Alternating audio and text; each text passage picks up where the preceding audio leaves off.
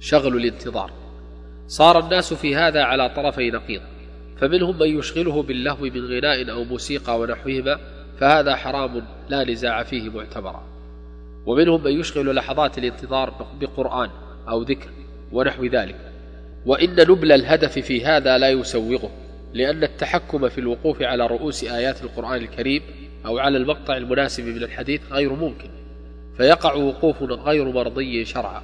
ولذا فلا هذا ولا ذاك وليبقى المنتظر مع السماعة ساكتا حتى يستأنف الحديث وأي ضير في هذا ولا داعي للترف والإيغال والتعمق في مراعاة الشعور الذي يعود بما لا يجوز.